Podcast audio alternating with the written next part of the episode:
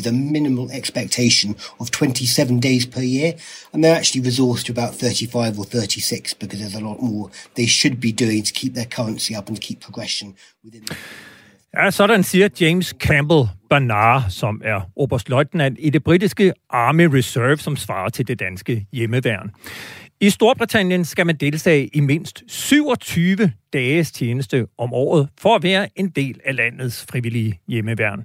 Det er kravet for at sikre et tilstrækkeligt højt niveau blandt de frivillige soldater. Men her i Danmark kræver det kun en dags aktivitet årligt for at være frivillig i hjemmeværnet. Og så fristes man jo til at spørge, hvilket niveau sikrer det krav? Den debat tager vi lige om lidt med en forsvarsordfører og en forsker fra Forsvarsakademiet. I dagens program skal vi også besøge Forsvarets sprogskole, og til slut i programmet tager vi temperaturen på det forsvarsforlig, som nu med forsvarschefens egne ord slet ikke når at blive indfriet til udgangen af 2023, som ellers var kernen i aftalen. Du lytter i øjeblikket til Frontlinjen på Radio 4. Mit navn er Peter Ernst ved Rasmussen. Velkommen til. Men vi begynder med en sag, som vi i går skrev om på netmediet Olfi. Den drejer sig om den forsvars- og sikkerhedspolitiske organisation Folk og Sikkerhed, som på fredag afholder sin årlige sikkerhedspolitiske konference i Landstingssalen på Christiansborg. Konferencen er delt op i en militærfaglig del og en mere politisk del med deltagelse af en række forsvarspolitiske ordførere. Oprindeligt var det planen, at stabscheferne fra de militære kommandoer skulle deltage sammen med de næstkommanderende fra værnene. De havde da også sagt ja og stod som oplags, oplægsholdere på programmet. Men så fik folk og sikkerhed en opringning fra Forsvarsministeriets departement. Her gjorde man det klart, at de militære chefer ikke kunne få lov at deltage, når forsvarsminister Trine Bramsen ikke kunne være til stede. En af dem, som dermed blev sløjfet som taler, var dig, Carsten Fjord Larsen. Velkommen til. Tak skal du have. Du er flotilleadmiral og næstkommanderende i Søværnskommandoen, og jeg har lovet at sige, at du i denne sammenhæng stiller op som privatperson. Men hvordan reagerede du, da du fik at vide, at du alligevel ikke skulle holde oplæg på Christiansborg? Jamen, hvis jeg skal være helt ærlig, så var det med en øh, vis frustration, øh, når man deltager i, i debatter eller øh, panelindlæg, så er det jo altid under den ramme, at forsvarschefen giver det militære faglige råd øh, til ministeren, øh, og ministeren er selvfølgelig ansvarlig for alt det politiske med henblik på at opnå et forsvarsforlig. Så der er sådan så ikke så meget i tvivl om rammerne øh, og rollerne. Men jeg synes, at øh, officerer på, på, på tværs af verden har vist, at vi kan godt stille op og, og holde et indlæg, kort indlæg med, med faktuel viden øh, og faglighed, Øh, og jeg synes, skulle der komme et spørgsmål, hvor man er nødt til at reflektere lidt, øh, så ser jeg jo ikke, at det på nogen måde er determinerende for et, et forsvarsforlig eller et indgreb i øh, forsvarschefens rolle eller ministerens rolle. Og, og så, hvad, hvad, hvad, hvad gjorde du så, da du fik at vide, at du ikke skulle holde oplæg? Ja, altså det er jo nok... Øh, jeg skulle nok have, have udfordret det internt personligt. Øh, så, øh, men som, øh, jeg også skrev på Facebook, så gik jeg lidt på autopilot, og det accepterede jeg så, og, og det er jo så der, det er. Og, og, og så meldte du fra, men, men, men altså fra til at møde op. Men efter udmeldingen fra ministeriet, der skrev chefen for fregatten Esbjørn Snare et opslag på Facebook. Kommandørkaptajn Lars Paul Jensen er i øjeblikket på mission i Guinea-bugten, og han skrev blandt andet, citat, når en myndighed, der også repræsenterer min arbejdsgiver, prøver at indskrænke denne frihed for mig, så bliver jeg harm, vred, skuffet og rasende. Når magteliten bliver så forhippet på at styre kommunikationen i det offentlige rum, at den gerne sætter vores demokratiske rettigheder til side uden at blinke, skrev han altså på Facebook og opfordrede sine overordnede til at sige fra. Og en af Lars Paul Jensens overordnede er jo netop dig, Carsten Fjord Larsen. Du er som næstkommanderende, som tak næstkommanderende i Søværnet. Hvordan reagerede du så, da du læste Lars Paul Jensens opslag på Facebook? Ja, min reaktion var, at jeg var jo øh, inviteret som øh, paneldeltager, øh, og jeg kunne se, at øh, den frustration, som øh, Lars Paul giver udtryk for, øh, det skyldes jo, at øh, jeg har ikke været øh, kritisk i øh, den måde, som tingene blev sendt videre på, øh, og til de underlagte chefer i Søværnet. Så, så det er jo en hård lessons learned i, at øh, man skal ikke bare gå på autopilot og sende videre. Øh, jeg er nødt til som chef og den inviterede øh, paneldeltager til at forholde mig til det her, stille de spørgsmål, der skal stilles internt, og så sætte en kontekst for Lars Paul og andre hans kolleger, som måtte have de samme tanker. Og hvorfor synes du, det er vigtigt at stille op, når Folketinget kalder? Jamen, det er egentlig enkelt at svare på. Øh, hvis man kigger på, øh, på den øh, hashtag, som forsvaret har, øh, fordi noget er værd at kæmpe for, så er det jo øh, for mig at se den hellige gral øh, i demokrati. Øh, og det er en af de stærke årsager til, at vi er i, for, at jeg er i forsvaret i det hele taget. Og hele den ramme vil jo man jo også gå ind i med enorm respekt øh, for både institutionen, men også for de roller, øh, der er øh, for både forsvarschefen og forsvarsministeren. Jeg vil sige tusind tak til dig, Carsten Fjord Larsen, flotilladmiral og næstkommanderende i Søværnet. Både fordi vi måtte ringe til dig her og have dig med i frontlinjen, men også fordi du blander dig i den offentlige debat med din militærfaglige baggrund. Tak fordi du var med. Selv tak. Vi har naturligvis spurgt i Forsvarsministeriet, hvorfor de militære chefer ikke må holde oplæg ved konferencen på Christiansborg, og vi har modtaget følgende svar. Citat. Når Folketinget er arrangør eller medarrangør af debatter, konferencer, høringer eller møder, så er det regeringens holdning, at embedsmænd som udgangspunkt kun deltager, hvis den ansvarlige minister også deltager.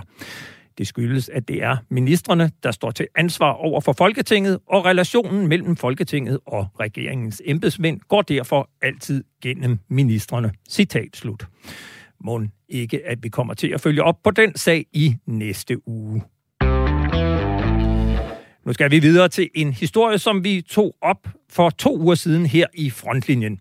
Og den handler om hjemmeværnet. Der havde vi premierløjtnant Henrik Skrold fra hjemmeværnet i Ribe med. Han er informationsofficer og har været mere end 48 år i hjemmeværnet som både delingsfører og kompagnichef. Han beskyldte blandt andet hjemmeværnskommandoen for at pynte på tallene og sagde blandt andet sådan her. Altså, jeg tænker på, et fodboldhold, der går den jo ikke, og ikke at være deltager, så ser man jo ikke kun på bænken, så er man jo helt udenfor. Og derfor savner jeg, fordi det er jo ikke nogen boldklub, det her. Det er jo et militær del af dansk forsvar. Derfor synes jeg, at man skal stille de krav. Ja, altså Henrik Skrold, øh, premierløjtnant i hjemmeværnet fra Rime. Og lad mig lige rise lidt fakta op, inden jeg byder velkommen til mine to gæster. Ifølge hjemmeværnskommandoens egne tal består hjemmeværnet af små 14.000 frivillige med yderligere små 30.000 i reserven. Det er til sammen en styrke på over 43.000 mand. I Danmark skal en aktiv hjemmeværnssoldat som minimum levere 24 timer på årlig basis, mens man for at stå i hjemmeværnets reserve ikke skal leve op til nogen som helst krav ud over en gang at have været aktivt medlem af hjemmeværnet. Ifølge hjemmeværnets egne tal er ca. 9.500 aktive overgået til hjemmeværnets reserve i de seneste 10 år. Det betyder så også, at mere end 20.000 medlemmer af hjemmeværnets reserve ikke har haft nogen aktiv tjeneste i hjemmeværnet i mere end 10 år. Det er altså halvdelen af hjemmeværnets såkaldte dedikerede styrke. Nu kan jeg byde velkommen til dig, Christoffer Melsen. Goddag. Du er fungerende forsvarsordfører i Venstre, og du er med på en telefon fra Christiansborg, hvor du er sned dig ud af partiets gruppemøde for at være med her, og tak for det. Kan du ikke forklare, hvad er værdien af de 20.000 mennesker, som har stået i hjemmeværnets reserve i mindst 10 år, uden at have leveret så meget som en eftermiddag i uniform? Jamen altså, værdien er jo, at vi har et overblik over øh, en gruppe mennesker, som har en militær øh, baggrund, altså som har en uddannelse, der, der gør, at de relativt hurtigt vil kunne øh, lære sig op igen, eller kunne indtræde i forhold til at løse nogle opgaver i en krisesituation. Så i sådan i en moderne tid, hvor man ikke har et mobiliseringsforsvar, så, så synes jeg egentlig, det har en værdi, at vi har en gruppe mennesker her, der har sagt, at vi er villige til at stille op, hvis der bliver brug for os, og vi ved, at de har en baggrund, der gør, at de nok relativt hurtigt kan være i stand til at løse nogle forskellige opgaver. Så det, det synes jeg har en værdi, øh, hvor jeg synes også i forhold til rekrutteringsmæssigt øh, for hjemmeværnet, så øh, er det jo egentlig også fint, at man har et overblik over de her mennesker, som, som har den her baggrund, og i hvert fald tidligere har vist interesse i at løse de her opgaver i forhold til at kunne rekruttere. Så jeg synes faktisk, at den har en værdi, den her reserve. Jeg kan også byde velkommen til dig, Peter Viggo Jacobsen. Ja, hej. Du var der. Du er øh, lektor ved Forsvarsakademiet, og jeg kan jo passende stille det samme spørgsmål til dig. Hvad er værdien af de 20.000 mennesker, som har stået hjemmeværendets reserve i minimum 10 år, uden at have leveret så meget som en eftermiddag i uniform?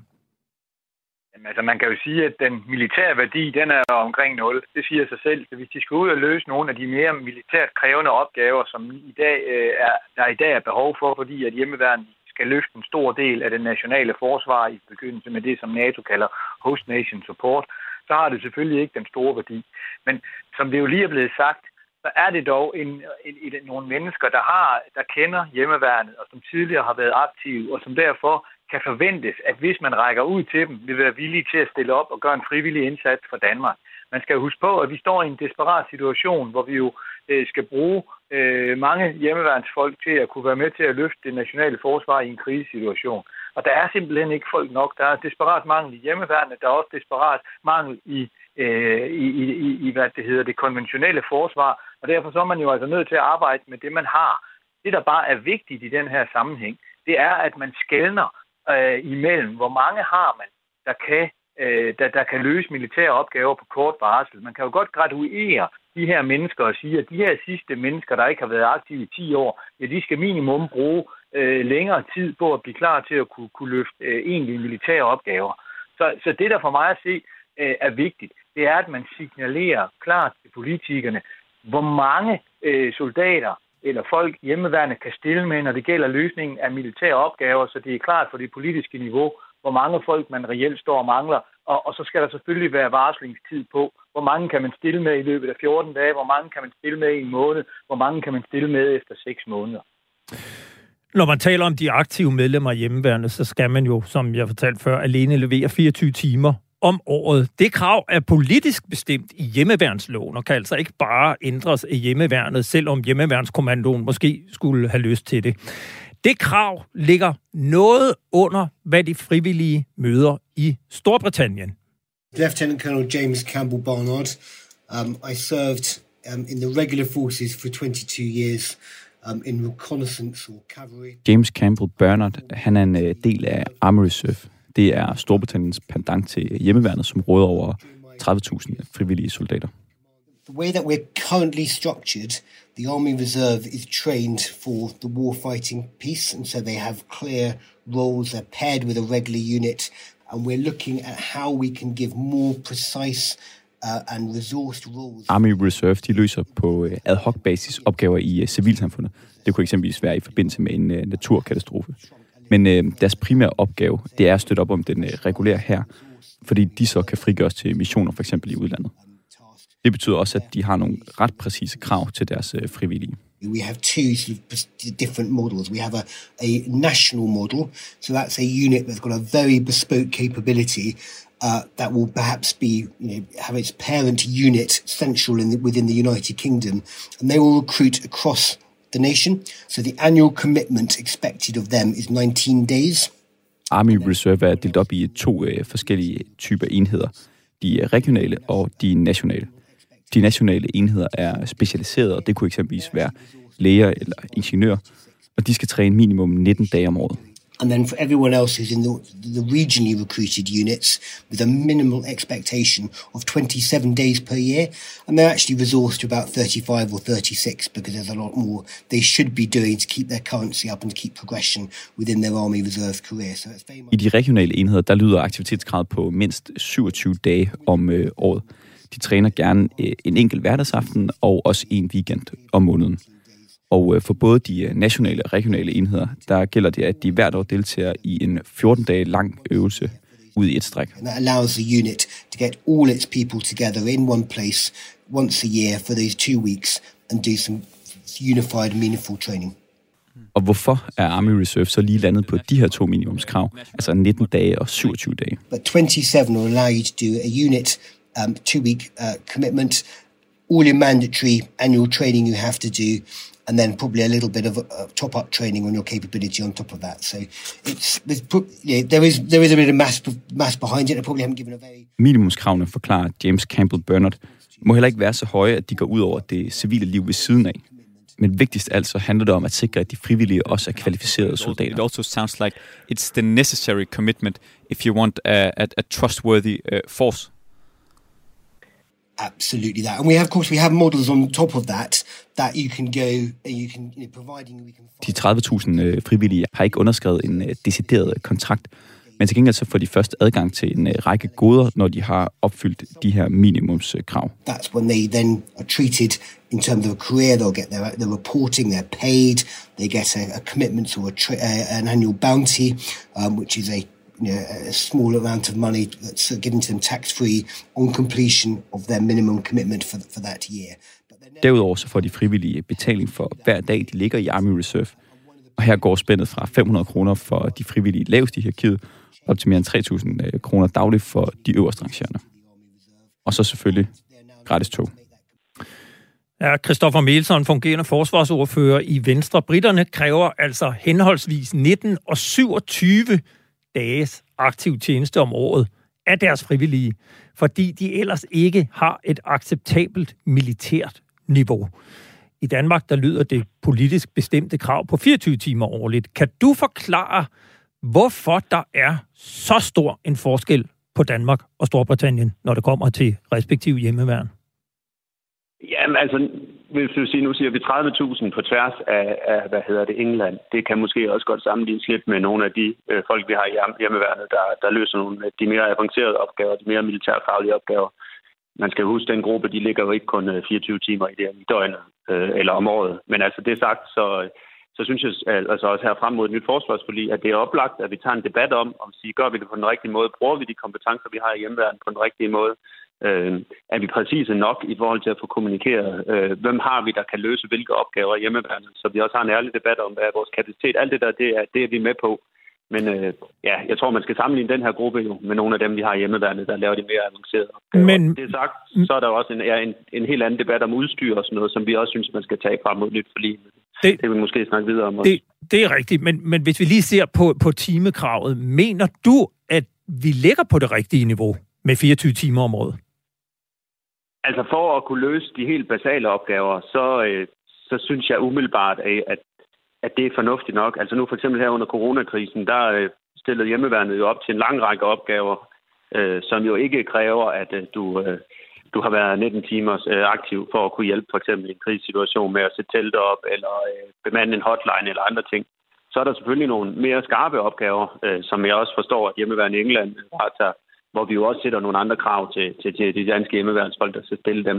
Men altså som sagt, altså en, jeg vil meget gerne gå ind i en debat om det her, men jeg synes, det kræver, at, at vi også får i forsvarsforligskredsen en dialog med hjemmeværnet øh, frem mod nyt forsvarsforlig. Øh, men altså min forståelse af, at det, det niveau, der er af træning og deltagelse i hjemmeværnet, det er jo ikke, at dem, der løser opgaver, alle dem, som der også bliver beskrevet her, de kun har 24 timer. Men det kan vi måske også blive bedre til at tydeliggøre i vores kommunikation. Præcis, og du har jo helt ret. Der er jo nogen, der ligger markant flere timer. Men Peter Viggo Jacobsen, du forsker på Forsvarsakademiet. Hvad er konsekvensen af, at vi i Danmark kun stiller et krav om 24 timers årlig tjeneste, hvilket jo altså så er 20 gange mindre end de frivillige i Storbritannien?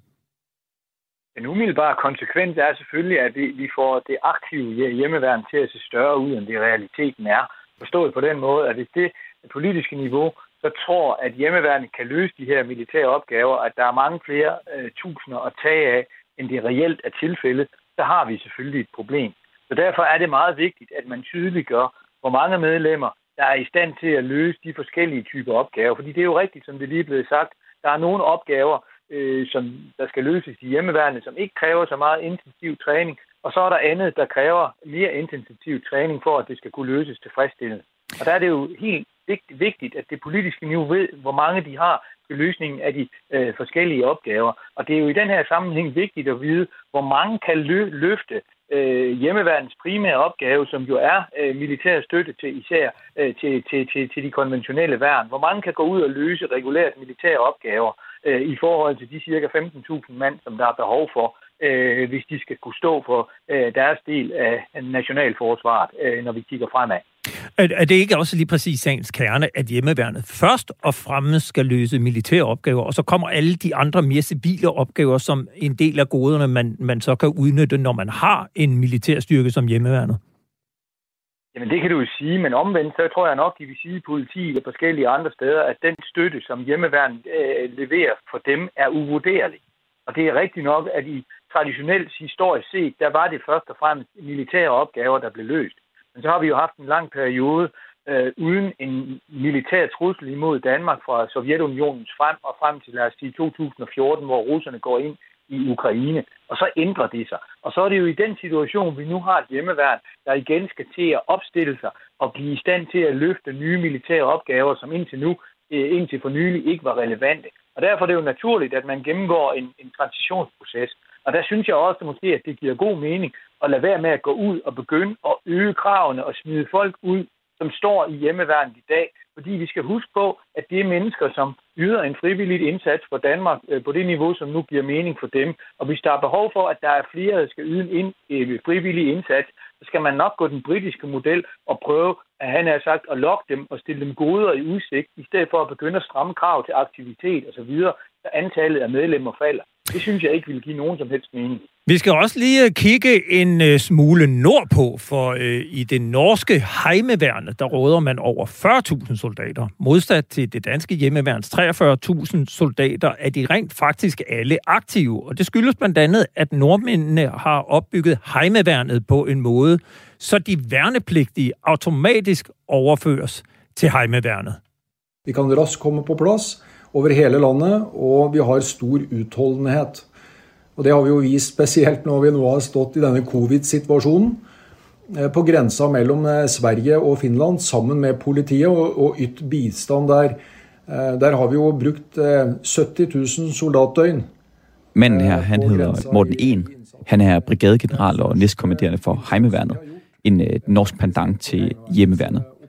Sidste år der brugte de 70.000 soldaterdøgn ved den norske grænse det er den største operation i værnets historie. Vi har den strukturen på 40.000. Heimeværnet består af 40.000 mand, der kan deles op i to øh, forskellige grupper. 3.000 af dem er frivillige, som udgør en øh, indsatsstyrke, og de resterende 37.000, det er nordmænd, der efter den første del af deres værnepligt er blevet overført til Heimeværnet. I Norge er den tvungne militærtjeneste nemlig i alt 19 måneder, og i første omgang så skal nordmændene, typisk når de er en 18-19 år, kun 12 måneder i uniform og det betyder, at de i godsøjen skylder staten syv måneders militærtjeneste. Og de syv måneder, de kan altså spredes ud over mange år efterfølgende. Typisk så overføres øh, 4.500 værnepligtige til heimeværnet hvert år, og her er de så aktive til de fylder 44 år. Heimeværnet forlanger dog mest af de frivillige. Der er det slik at eh, disse 3000, da, som vi kaller innsatsstyrkene, eh, etter frivillighet, de trener da inntil 30 dager i, eh, i året. Eh, men de siste år så har vi hatt en økonomi eh, som har tilsvart at vi kan trene 15 dager for soldater og 20 for befalet. Men, men hjemmelen vår er inntil 30 dager. Vi ser jo det er veldig viktig å få trent styrkene våre godt, slik at de er i stand til å løse sine, sine oppdrag. Og, og, og Morten 1, vil du prøve at forklare, hvad der gør, at I lige lander på, at det skal være 15 dage, som det var sidste år, eller 30 dage, som det normalt vil være? Det hænger jo sammen med eh, at man har en treningscyklus der man eh, fokuserer på grundlæggende soldatferdigheter. Eh, alt fra stridsteknikk og skyting, slik at man kan operere som soldat og, og i afdeling. Så det er simpelthen den træningsmængde, der er nødvendigt for, at man kan opretholde et nogenlunde niveau? Det er, eh, det er helt riktig. Så er det jo slik at det alltid er nogen som... Eh, De frivillige træner altså normalt 30 dage om året, men sænket til 15 dage sidste år på grund af økonomien i heimeværnet. Træningen den er tilrettelagt i en øh, cyklus, øh, forklarer Morten en, da de ikke kan nå alle elementer på de 30 dage, de har til at træne om. Naturligvis øh, øver man basale færdigheder, som eksempelvis skydning, øh, løbende. Men det var altså de øh, 3.000 frivillige. De 37.000 værnepligtige, som overføres til heimeværnet, afkræves noget mindre årlig aktivitet. Indtil seks dager i året øh, kan vi træne soldaten, og ni dager for befal og officerer. Det er, eh, det er den ramma vi har. Der har vi den, de senere år trent mellom tre og fem dager for, for soldatene, altså noe mindre enn den som rammen egentlig gir. Men det vil sige, at du er sikker på, at de 37.000 soldater, som er i heimeværnet, som har gjort førstegangstjeneste i herren, de har minimum trænet tre dage sidste år. Det stemmer. Ja, således altså øh, det norske heimeværn. Peter Viggo Jacobsen, forsker på Forsvarsakademiet. Hvad er fordelen ved at gøre det på den måde, som nordmændene øh, rekrutterer til hjemmeværnet, heimeværnet? Fordelen er jo, at når man først har gået igennem sin værnepligt så, og, og automatisk overført den til hjemmeværnet, så er sandsynligheden for, at, at der er flere, der vil blive ved med at have en tilknytning til forsvaret og blive ved med at levere den her indsats jo større. Og det vidner jo også om, at, at Norge tager nationalforsvaret meget mere seriøst, end de gør i Danmark. Altså, der er jo ikke nogen rigtig værnepligt tilbage, og det er så få folk, vi tager ind. Og jeg tror også, at hvis vi skal op og at, at kunne uh, rekruttere og fastholde tilstrækkeligt med mennesker, der er villige til at øh, lægge øh, så mange frivillige timer i hjemmeværnet, som det kræves for, at man kan Øh, løse øh, militære opgaver af en sådan lidt sværere karakter, så er vi også nødt til at øge hjemmeværns, øh, undskyld, så er vi nødt til at øge værnepligtsindtag i Danmark. Og jeg synes, at det må være en helt afgørende diskussion for det næste forlig, at man tager en diskussion om, hvorvidt man ikke skal øge andelen af hjemme, hjemmeværns, øh, man tager ind, og at man også tager hul på diskussionen om, hvorvidt at værnepligt ikke skal være for, for alle, både mænd og kvinder. Og hvis man ikke gør det, så tror jeg simpelthen ikke på, at vi kan rekruttere og også senere fastholde de folk, vi skal bruge i forsvaret for at kunne løse de opgaver, som politikerne øh, har pålagt os i indeværende forlig, og vi også må forvente kommer i næste forlig. Jeg kan simpelthen ikke se, hvordan vi skal kunne øh, få nok til at, at melde sig til øh, at være i det konventionelle forsvar og tage en egentlig mere professionel karriere, og efterfølgende også stå til rådighed i, i hjemmeværende, hvis vi ikke får flere igennem maskinen. Og det her det er et rent funktionelt argument for værnepligt. Det er ikke et ideologisk øh, øh, argument om, at det er sundt for unge mennesker at komme ind og lære at stå op om morgenen og binde deres sko, og at høj skal møde lav og alt det her. Det handler udelukkende om, at hvis forsvaret fremadrettet skal kunne løse de opgaver, som vi er blevet forlagt politisk, så kan vi simpelthen ikke rekruttere øh, og, og hvad det hedder, fastholde de personer, vi skal bruge, både det konventionelle forsvar og hjemmeværnet, hvis politikerne ikke skruer op på værnepligten. Og Christoffer Melsen, du er så fungerende forsvarsordfører i Venstre. Altså øge værnepligtsoptaget for også at have mulighed for at øge styrken af hjemmeværns soldater. Er det en løsning, du vil overveje og måske debattere frem mod det kommende forsvarsforlig? Ja, det er det helt sikkert. Altså, jeg tror, vi bliver nødt til at kigge fordomsfrit på rigtig, rigtig mange ting, hvis vi skal løse øh, den opgave, vi står overfor. Og det er bare et ændret trusselbillede, og det kommer til at kræve, at vi gør tingene på en lidt anden måde. Øh, umiddelbart er jeg måske så ikke helt så meget til den øh, del af det, som øh, i Norge, hvor man ligesom er, øh, skal være hjemmeværende. Øh, jeg synes, vi skal se, hvor langt vi kan komme af vejen er at blive bedre også til at rekruttere til hjemmeværnet og gøre opmærk- de værnepligtige opmærksom på de muligheder, der kan være. Måske så også bedre muligheder fremover for en meget, meget øh, øh, god uddannelse, man vil skulle kunne få i hjemmeværnet, og vi også sørger for, at hjemmeværnet har noget bedre udstyr i fremtiden, så det er mere attraktivt at være der, så man ikke føler, at man er sådan lidt øh, en anden rangs øh, øh, soldat, havde han sagt, som man måske nogle gange kan godt få fornemmelsen af med, med de muligheder, de har for materiel og den slags hjemmeværende dag. Så der er mange ting, jeg synes, vi skal kigge på, for at gøre det mere attraktivt at være hjemmeværende. Og, og, øh, og Men helt, ting er helt, også, helt kort til sidst, med. Ja. Christoffer Melson, mener du, at hjemmeværnet skal spille en større rolle i fremtidens forsvar, end hjemmeværnet gør i dag? Ja, det mener jeg. Jeg synes, at, øh, at jeg synes også med, med, med de øh, udfordringer, vi står inde i, i forhold til at skaffe nok folk øh, til, til de forpligtelser og det, vi gerne vil, også på forsvarsområdet. Vi er jo enige om, at vi skal op på de her 2% i, øh, af BNP. Øh, så er der simpelthen også behov for, at vi får kigget på, hvordan vi får udnyttet de ressourcer og de muligheder, der ligger i kraft af hjemmeværende bedre. Jeg vil sige tak til dig, Christoffer Melson, fungerende forsvarsordfører i Venstre, og til dig, Peter Viggo Jacobsen, med på en telefon fra Aarhus i dag. Du er forsker ved Forsvarsakademiet. Tak for jeres deltagelse. Selv tak. tak.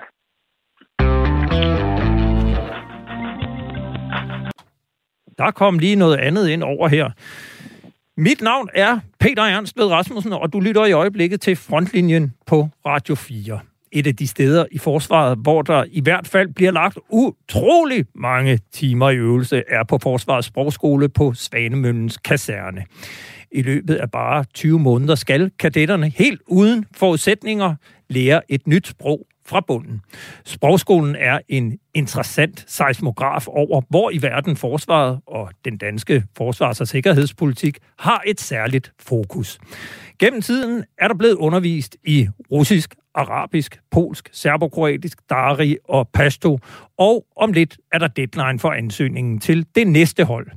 Derfor dumpede min kollega Jeppe Rets Husted ind i en lille lomme af Rusland på Østerbro i København. Vi går i gang. Har du nogle spørgsmål til opgaven? Nej, det tror jeg, jeg har. Sådan. Jeg går bare i gang med at ringe. Ja.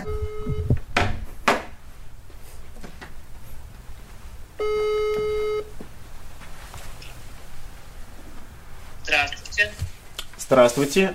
Я сержант вооруженных сил Королевства Дания и представитель... Den unge lyshårede mand har med opkaldt sat uh, rollespillet i gang. Uh, I manuskriptet der befinder han sig på den uh, smarte Bosco Café i uh, det centrale Moskva. Men i virkeligheden så står han i et uh, standard kommunalt uh, lokale på Svanemøllen Kaserne i København. I godt et år har han været i gang med sprogofficersuddannelsen på russisk. Да. Очень хорошо. Спасибо. До скорой встречи. Да, да, да, да, до скорой встречи, увидимся. Kadetten har modtaget en uh, sms-besked fra en af underviserne på sprogskolen. Når nu han alligevel befinder sig i centrum af Moskva, så vil han gerne have kadetten til at undersøge muligheden for at købe sig til russisk undervisning på Pushkin-instituttet. Det er instituttet, som øh, kadetten lige har haft i røret, og de har inviteret ham til et møde. Rollespillet her er en test af elevernes sproglige færdigheder i praksis. Алевтина Александровна. Очень приятно. Очень приятно. По какому вопросу еще раз скажите? Skuespillerne er derfor også øh, ægte russer, som næsten ikke øh, forstår dansk. Sekretæren, som tager imod på Pushkin-instituttet, det vil sige en foyer på Østerbro, hende har kadetten mødt i et tidligere rollespil. Надежда Ивановна. Надежда Ивановна. Men hun fører ham videre hen til en øh, dør med instituttets øh, officielle logo på. Et øh, blåt tryk af den russiske digter Pushkin. Og bag den dør, der sidder The Big Lebowski. En ny kvindelig skuespiller, som kadetten aldrig har mødt tidligere. Вы э, Надежда Ивановна? Да, я Надежда А? Ивановна. Тогда я должен э, передать вам э, привет от э, Клауса Матьесена.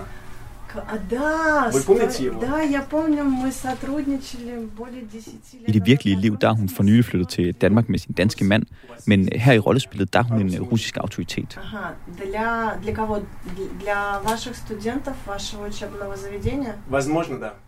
Kadetten hiver en øh, notesblok op af lommen, og i den der prøver han altså at holde styr på den øh, information, som tilflyder ham, så han kan afrapportere til underviseren, når han kommer hjem til Danmark igen Обучение э, скандинавов или э, датчан, например.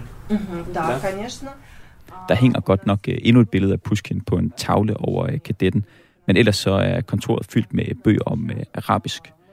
Courtesies in the Gulf Area og The Georgetown Dictionary of Iraqi Arabic vidner om, at øh, forsvaret ikke kun interesserer sig for russisk. Faktisk så står der også et gammelt øh, riskspil på øh, arabisk. Men det bemærker ingen her på Pushkin-instituttet. Og lige bag ved kadetten, uden for synsfeltet, der sidder to undervisere klemt inde med benene over kors.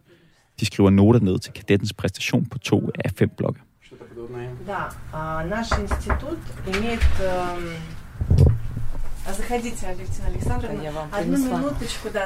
Ну, Мы тут не закончили еще. Efter præcis 10 minutter, så banker det på døren endnu en gang på kontoret. Det er sekretæren, der kommer tilbage ind med sort te og drømmekage på fad. I stedet for at sidde med en øh, mandlig betonbiokrat, så sidder kadetten pludselig med to øh, snaksalige kvinder i uformelle omgivelser.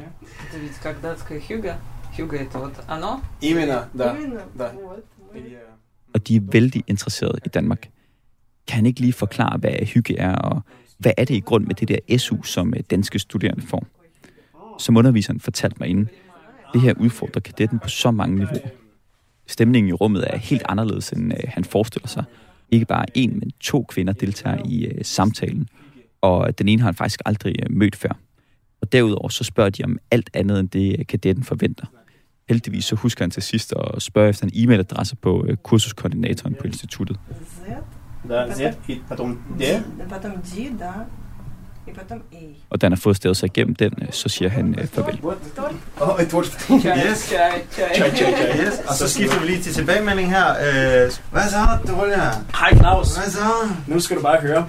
Jeg skulle hilse igen fra Nadjesta. Mange tak. Ja, hvad hedder det? Øh, jamen, der var ikke det, der ikke kunne lade sig gøre. Aha. Jeg prøvede at få det mest konkrete, jeg kunne ud af hende. Og så har jeg en mail til dig. Ja, øh. glimrende. Det er, det er glimrende. Godt, vi stopper rollespillet her. Skal vi over til tilbagemelding. Dolja, hvordan var det, det for dig?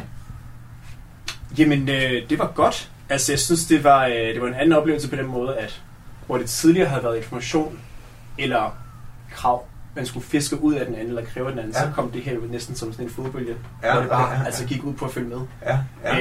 Øh, og så også lige holde sig for øje, hvad man ikke havde fået at vide, Ja. øh, og følge op på det. Efter 22 minutter i en russisk virkelighed, så er rollespillet øh, forbi. Og øh, de to øh, undervisere, der har taget noter undervejs, øh, de giver deres tilbagemelding. Okay, godt. Øh, jamen, jeg vil sige overordnet set, du øh, løser opgaven her, øh, og, øh, og, og kommer i mål med det.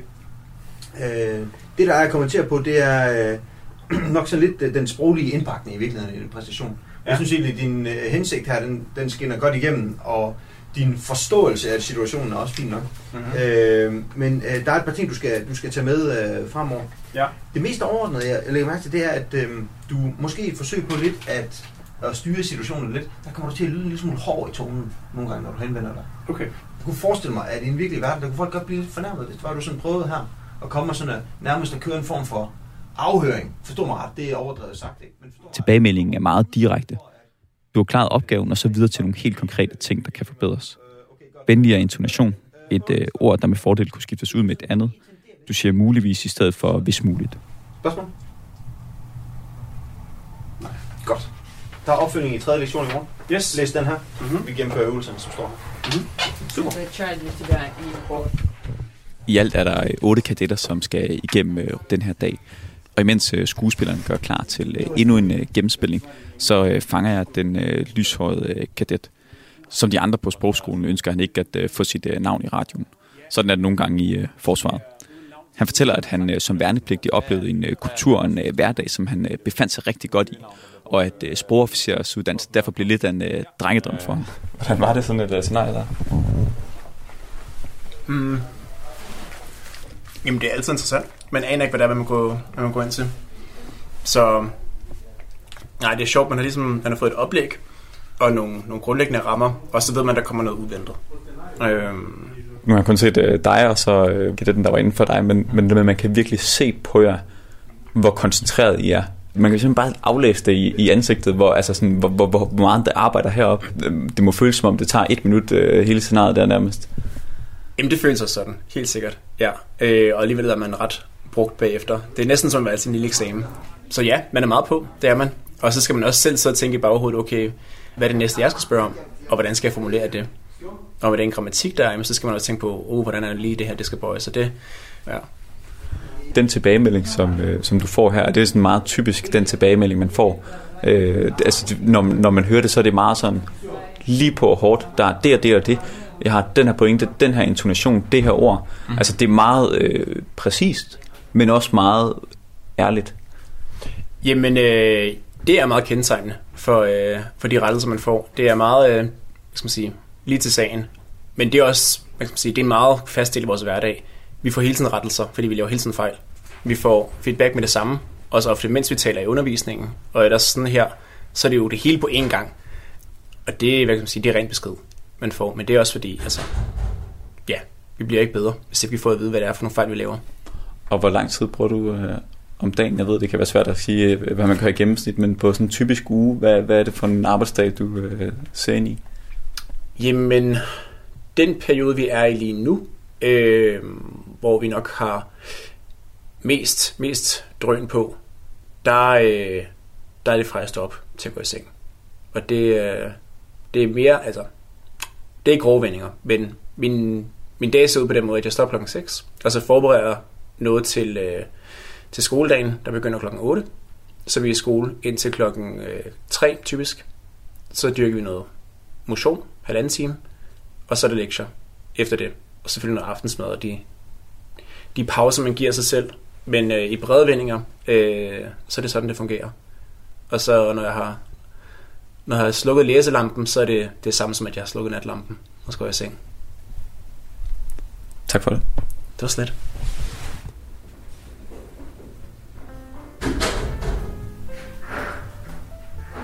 forjen på Svanemøllen Kaserne, eller Pushkin Instituttet, der får sekretæren endnu et opkald fra en øh, dansk kadet, sendt i byen af hendes underviser. Hallo. Ja, nu kan jeg sige velkommen til dig, Frank Mathiasen. Du er oberstløjtnant og chef for Forsvarets sprogskole på Svanemøllens Kaserne. I har optag på sprogofficersuddannelsen her den 9. december. Hvilke sprog har I aktuelt fokus på på sprogskolen? Det er rigtigt, vi har ansøgningsfrist til øh, uddannelsen, der starter til august næste år her den, øh, den 8. december, og øh, aktuelt til næste år optager vi på russisk sprogretning og på arabisk sprogretning. Og så har vi PT gående også et, øh, et, et DAI-hold, øh, som bliver færdigt til, til sommer. I juni forlod de sidste danske tropper Afghanistan, som i august faldt til Taliban. Hvad sker der med de kadetter, der var i gang med at uddanne sig i Dari? Ja, det hold, der, der startede for, øh, for cirka halvanden år siden på uddannelsen, de startede jo øh, i en periode, hvor situationen i Afghanistan var ganske anderledes, end den er nu. Øh, og og det, vi, det, vi har besluttet, og så var for sammen med Forsvarskommandoen, det er at gøre holdet færdigt, så, øh, så de bliver uddannet, øh, ligesom de andre DARI-kadetter, vi har uddannet, øh, og er færdige til sommer næste år. Og så øh, bliver det tilbudt en reservekontrakt, hvor der er en forpligtelse til øh, udsendelse inden for en fireårig periode. Øh, som situationen er i Afghanistan lige nu, så er der nok ikke udsigt til en udsendelse lige med det samme. Men jeg tror også, det er for tidligt at udelukke, at der på et tidspunkt kan blive øh, behov for at udsende persisk talende tolke igen. Øh, fordi der er, er persisk, den afghanske afart er persisk, så, så i virkeligheden er det en ret stor øh, sprogstamme, som også dækker Iran. Men, øh, men øh, det, er der, det er selvfølgelig øh, et, et issue lige nu at få motiveret kadetterne til at gøre uddannelsen færdig, når der ikke er udsigt til den udsendelse, som den egentlig var blevet stillet i udsigt. Men det vi gør i løbet af de næste fire år, når de, når de nu bliver færdige, det er så at sætte øh, ekstra tryk på deres øh, efteruddannelse, så de kan holde deres øh, sproglige færdigheder ved lige, og så vi dermed kan strække den reserve, vi har til en eventuel udsendelse på et tidspunkt.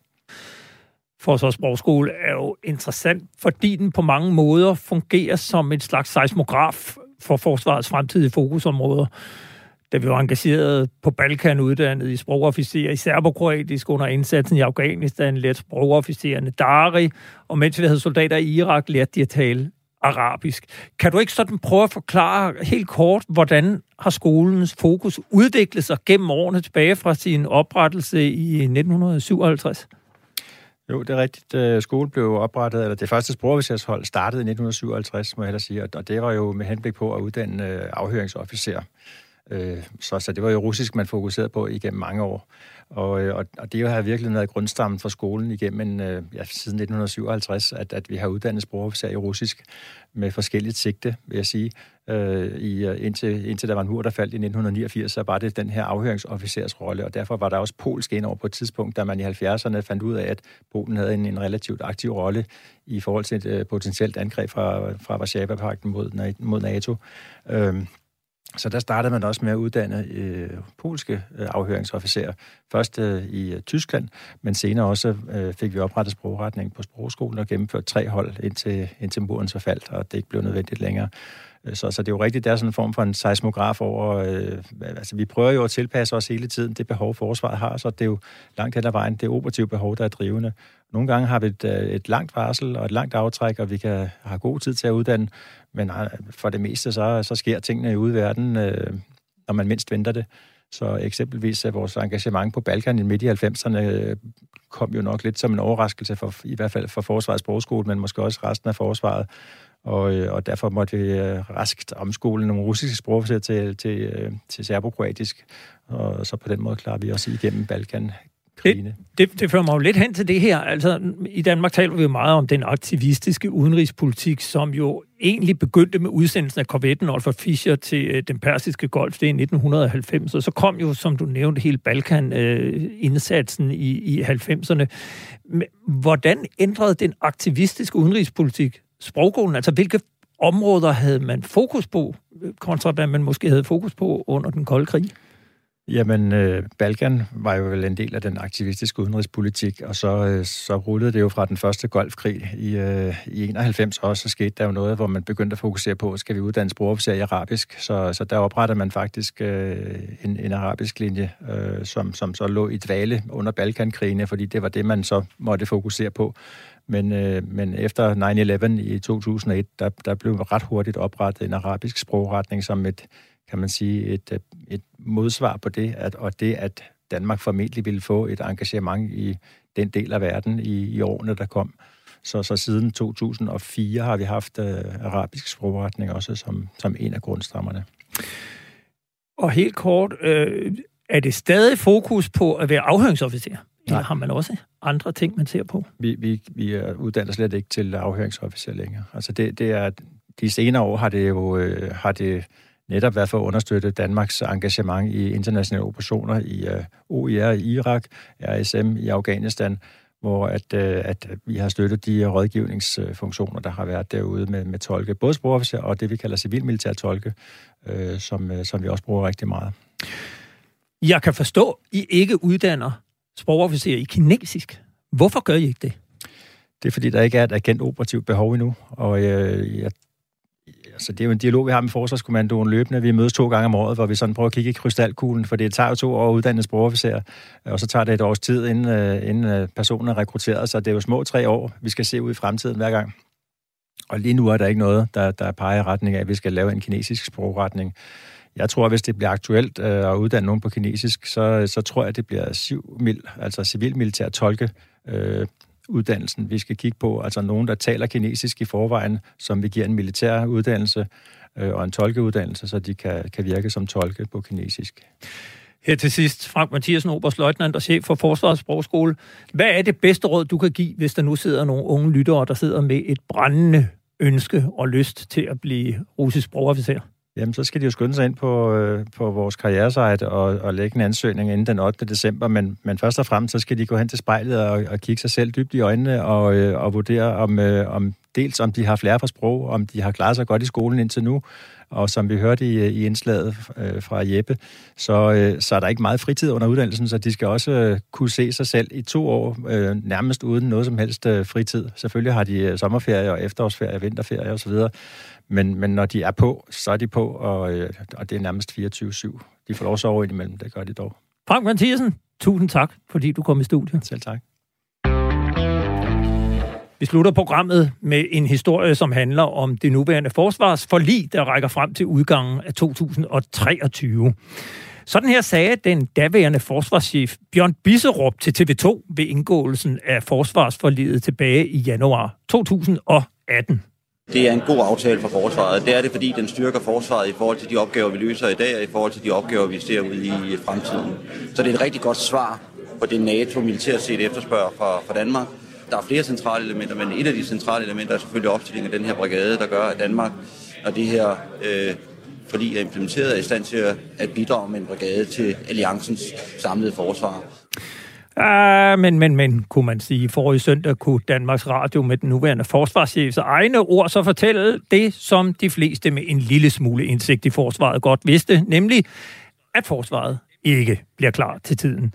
På Forsvarets hjemmeside kunne man læse, at på grund af forsinkelser på materielleverancer og manglende mulighed for at etablere de nødvendige etablissementer, er Forsvaret nødt til at udskyde fem initiativer under det nuværende forsvarsforlig. Nu kan jeg byde velkommen til dig, Hans Peter Mikkelsen. Du er i dag uafhængig militæranalytiker med en lang karriere i forsvaret bag dig.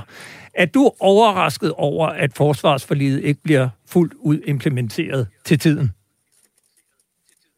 Nej, det har været ligget i kortene i et godt stykke tid, og allerede i foråret i år var der jo drøftelse af det her manglende luftværn, øh, som øh, ikke bliver anskaffet til tiden til brigaden. Så det har, øh, det har alle, der har fulgt med, sagt. Det, det kommer ikke som nogen stor overraskelse.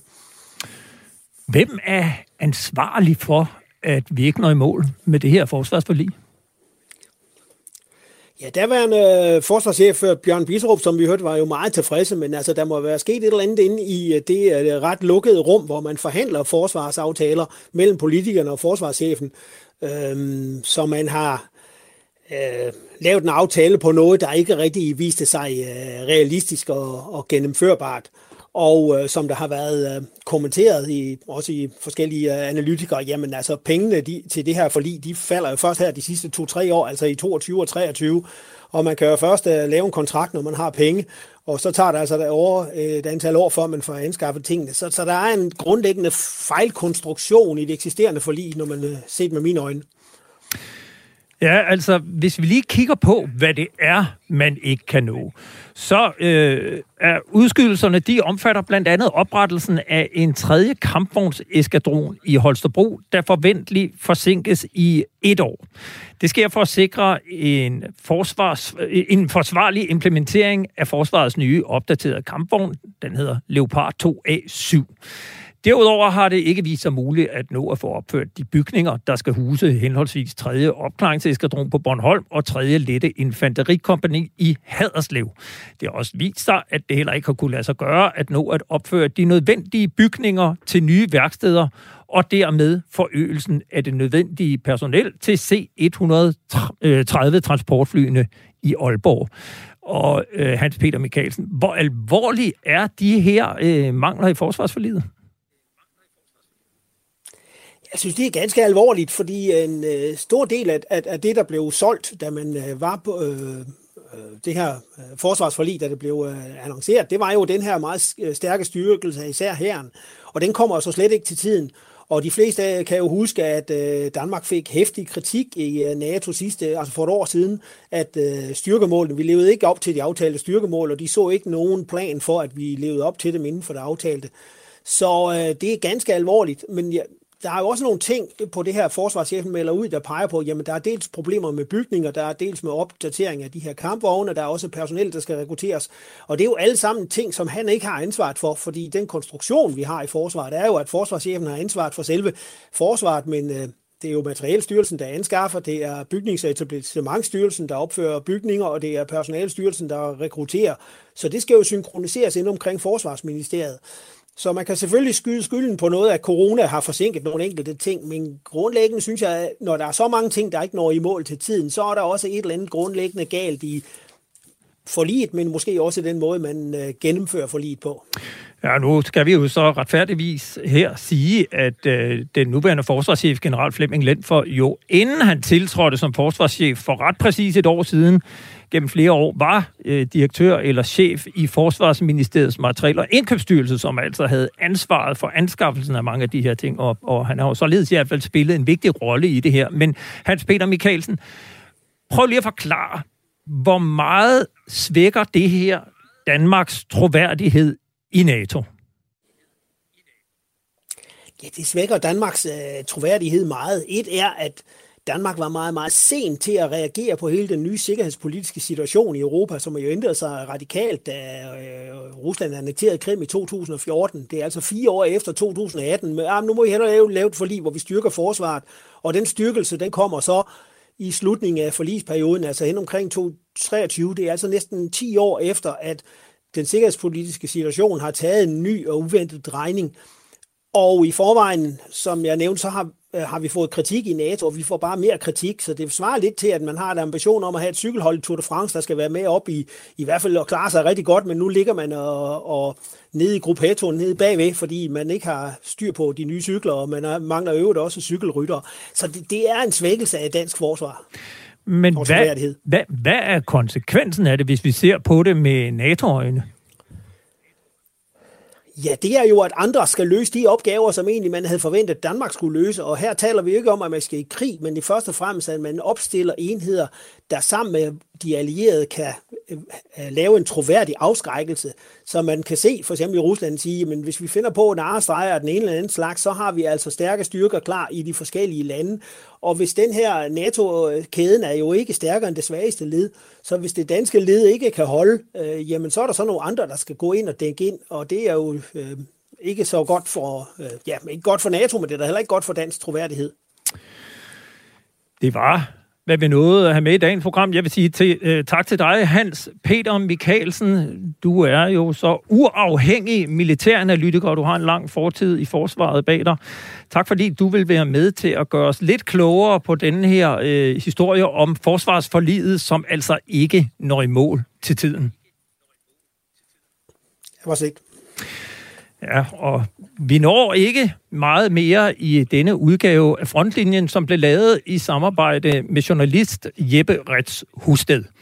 Husk, at du kan lytte til alle tidligere udgaver af programmet i din podcast-player eller ved at besøge radio4.dk-frontlinjen.